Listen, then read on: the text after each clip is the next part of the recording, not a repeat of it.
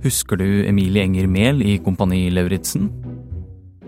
Med hjelm, uniform og tung sekk kjemper hun seg frem til mål.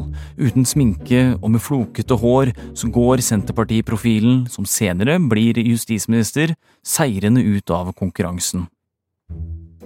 Flere politikere har prøvd å finne veien inn i folks hjerter via kjendisprogrammer på TV og på Instagram, eller andre ting som egentlig ikke har noe med politikk å gjøre. Men hjelper det å vinne Kompani Lauritzen når målet ditt egentlig er å vinne et valg? Det har kanskje mindre å si enn du skulle tro. Du hører på Forklart fra Aftenposten. I dag er det onsdag 22. februar, og jeg heter Philip A. Johannesborg.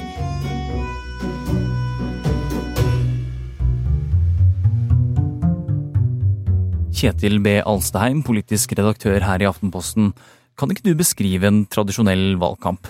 Det folk vil oppleve i, eh, når vi kommer ut i august, eh, og særlig når det, vi kommer i slutten av august og i begynnelsen av september, er at de blir oppsøkt på gata av folk som vil gi dem en rose, eller vil gi dem en vaffel, eller en løpeseddel.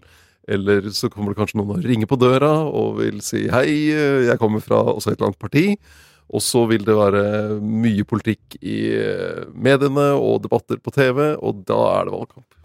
Ja, for snart så er det duket for kommune- og fylkestingsvalg, og er det ved vaffelbodene vi kommer til å se politikerne våre i år også? De vil jo prøve å nå ut i alle mulige kanaler, og da er det direktemøte med velgerne. Eh, det er viktig. Eh, det å være synlig i mediene er viktig, og det er jo de tradisjonelle mediene sånn som Aftenposten, NRK, TV 2 og alle de store. Og så er det jo også det å være synlig i sosiale medier, eh, på Instagram eller Facebook eller eller TikTok, kanskje, for den som har det på telefonen sin. Men funker det, da? Altså, alt handler jo om å for eh, disse partiene og for kandidatene å få presentert seg, fortalt hva de vil. Eh, for de skal jo søke tillit fra velgerne. Eh, få velgerne til å stemme på dem fordi de tror at dette er bra folk som har en god politikk. Hva med disse partilederne som vi kjenner så godt, da? Ja, Denne valgkampen skjer på veldig mange plan. Det mobiliserer veldig mye folk på grasrota. Eh, noen som bare er aktive i partiet, noen som er kandidater lokalt. Og så har du selvfølgelig de, de, rikspolitikerne, de som er eh, partiledere, de som sitter i regjering. De som er eh, de mest kjente profilene, som durer rundt og, besøker ulike deler av landet. Erna Solberg kjører sikkert rundt den blå høyrebussen. Jonas Gahr Støre prøver å dekke alle fylker og landsdeler for å for, fordi det skaper ekstra oppmerksomhet når det kommer de kjente Altså de stjernene kommer til byen. Da. Ja, Det er jo slik valgkampen eh, vi kjenner til er. Eh, men er det nok, da? Den er viktig. Og så er det andre ting som kommer inn i tillegg, og der er det kommet en undersøkelse som er litt interessant i den forbindelse. For i den undersøkelsen ble norske velgere rett og slett spurt hvilke norske politikere er det du liker? Norstat spurte 1000 personer om svar, men én ting er det verdt å merke seg. De spurte fikk bare svare så lenge de kjente til politikeren fra før. Med andre ord, undersøkelsen gir ikke svar på hvilke politikere som er mest kjent, men best likt, blant den som allerede kjenner dem. Denne undersøkelsen er ganske interessant fordi den har noen overraskelser helt i toppen. Hvis vi går inn og ser på de fem eh, best likte, så er det nok eh, litt, an, litt annen sammensetning enn det i hvert fall jeg gjettet på da jeg skulle eh, gjette, gjette navnerekka før jeg hadde fått sett svaret. Og vi har da på femteplass så er det Kristelig Folkeparti-leder Olaug Bollestad. og det er jo litt rart med tanke på at Kristelig Folkeparti sliter på målingene. Ligger under sperregrensen for utjevningsmandater til Stortinget. På fjerdeplass, eh, en annen liten overraskelse, Mimir Kristiansson, stortingsrepresentant for eh, partiet Rødt. Ehm, og på tredjeplass, justis- og beredskapsminister Emilie Enger Mehl fra Senterpartiet. Som også sliter litt? Senterpartiet sliter, eh, men hun er populær. Og så har vi det som ikke er så overraskende, og som jeg trodde ville være nummer én, er Høyre-leder Erna Solberg som uh, står, uh, står sterkt etter uh, de åtte årene i, i, regjering, selv om hun jo mistet makten ved valget i 2021. og så har vi helt på topp, numero uno. Det er Venstres stortingsrepresentant Abid Raja. Og at Erna fra Høyre er på lista, det er jo ikke så uventet, som du sa. Men resten må du nesten forklare her, Astheim. Ja, det er eh, eh, Noe av det jeg tror Abid Raja har fått til, er at han måte har brutt igjennom lydmuren og nådd et ganske bredt publikum. Og at det er veldig mange som føler at de kjenner ham. Eh, og det er klart han har vært eh, eh, veldig flink til å profilere seg. Var det som kulturminister, og har vært det før det også. og er det er det etterpå. Er en ganske tydelig profil. Har også gitt ut denne boka, 'Min skyld', Eh, som er en veldig personlig beretning, eh, som har solgt veldig godt, fått eh, veldig god mottakelse. Så jeg tror det er mange som føler at de, de vet hvem han er, og hva han står for. Og det er nettopp dette fire av disse på topp har til felles. Sjansen er stor for at du har sett dem på en helt annen arena enn som politiker. Emilie Enger Mehl har jo vært ivrig på TikTok. Jeg er justis- og beredskapsminister, og dette er en miniblogg fra min Og Kompani Lauritzen. Og jeg har lært at det bor mer i meg enn jeg trodde selv. Abid Raja ga ut en bestselger av en bok i 2021, i tillegg til å danse rundt på knærne i Maskorama. Kan jeg reise meg opp nå, Silje? Ja, det kan Olaug Bollestad deler gladelig selvironiske videoer på Instagram. Jeg digler jo i lufta! Og Mimir Kristiansson har besøkt Farmen kjendis. Det var helt uh, forferdelig å få brev, egentlig. Vi kan ikke være helt sikre på hva slags eh, effekt eh, den type opptredener har for eh, politikerne, men det er jo interessant å se at noen av de som har profilert seg på litt sånn alternative måter, med ja, Olaug Bollestad med sin Instagram-profil, at det kanskje gjør at de blir kjent av flere, og at de blir litt tydeligere for velgerne de, hvem de er og hva de står for. Så hvis dette gjør norske politikere mer populære, vil fremtidige valgkamper foregå i 71 grader nord og Maskorama i beste sendetid på TV?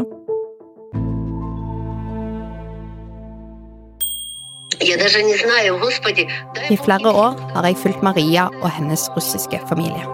Vladimir Vladimirovich Putin. Hva mener russiske familier om det som skjer i landet deres nå? Hvorfor er det så mange russere som stemmer på Putin? Og hvorfor er det så mange som støtter krigen i Ukraina?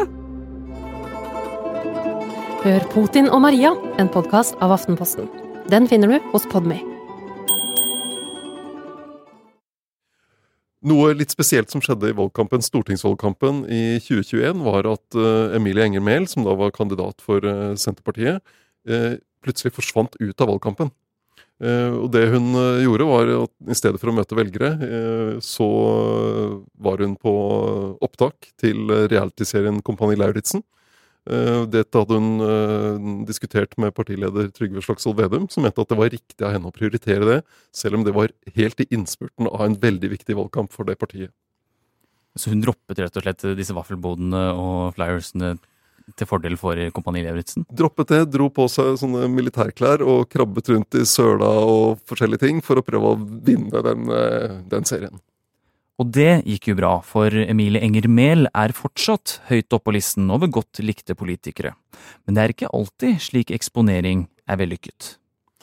Vi har jo sett uh, ganske mange ulike forsøk på å promotere seg selv fra politikere, og det er jo ikke alltid det går så veldig bra. Husker, en del husker da Erna Solbergs regjering skulle danse denne Bli med-dansen, og særlig daværende statsråd Torbjørn Røe Isaksen hadde så veldig ukomfortabel ut. Uh, vi husker tidligere justisminister fra Fremskrittspartiet, Anders Anundsen, som fikk laget en egen video der han gikk rundt og fikk folk i justissektoren til å fortelle hvor flink han var, og det fikk han jo mye tynn for. Regjeringen er veldig opptatt av at vi skal styrke den spisseste enden i norsk politi, som rykker ut når de store og alvorlige hendelsene er her. Og Hvordan merker dere den styrkingen, Helge? Og vi husker tidligere stortingsrepresentant for Arbeiderpartiet i Oslo, Jan Bøhler, som lagde sine egne sanger og videoer. Blant annet eh, en video der han dukket opp som et jordbær i en tallerken med jordbær og fløte.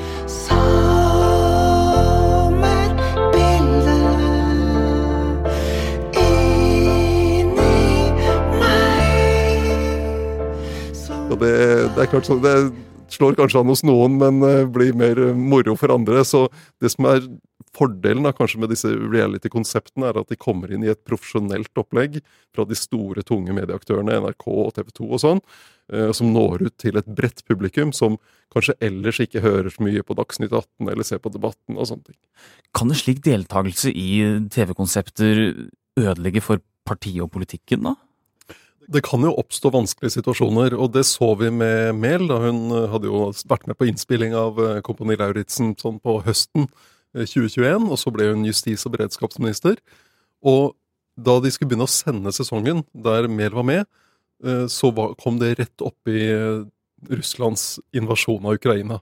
Så da hadde du på nyhetene hadde du dramatiske bilder fra en, en blodig krig, og så kom da landets beredskapsminister rett etterpå som lørdagsunderholdning i uniform.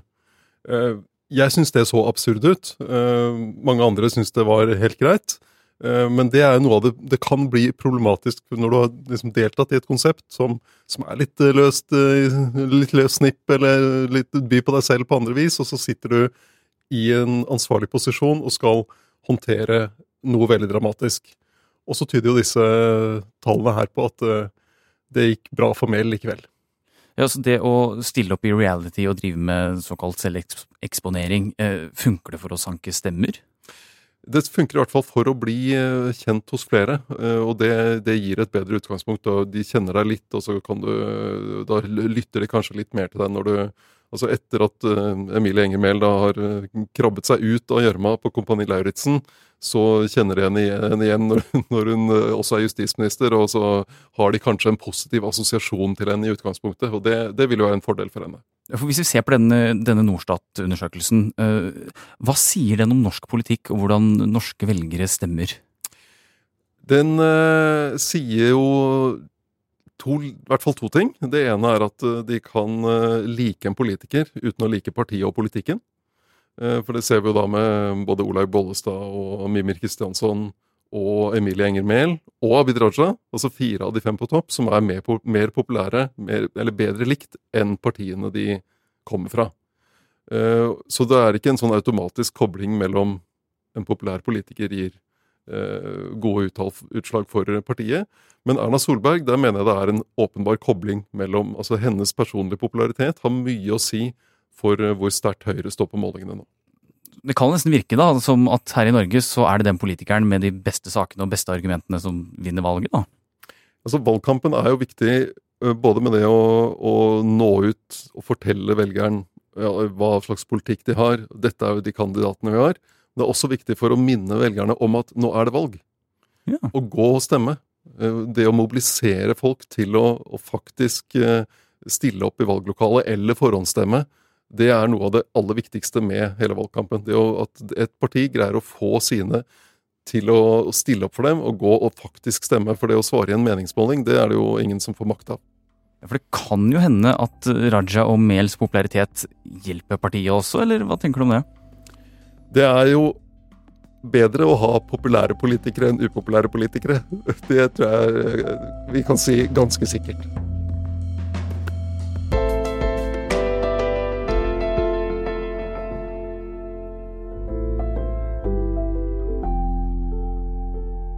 Du har hørt en podkast fra Aftenposten med politisk redaktør Kjetil B. Alstheim, som snakker om populære politikere og hvordan det påvirker valgkampen. Lyden er hentet fra Emilie Enger Mehl på TikTok, Olaug Bollestad på Instagram, VGTV, regjeringens nettsider, Jan Bøhlers Sommerbildene våre, NRK og TV 2. Denne episoden er laget av produsent Syne Søhol, Anders Weberg og meg, Philip A. Johannesborg. Resten av Forklart er Jenny Føland, David Vekoni og Trond Odin Johansen. Og likte du det du hørte i dag, så kan du sjekke ut Aftenpodden, hvor Kjetil B. Alstheim også er med. Den kan du finne i Podme-appen og på ap.no hver eneste torsdag.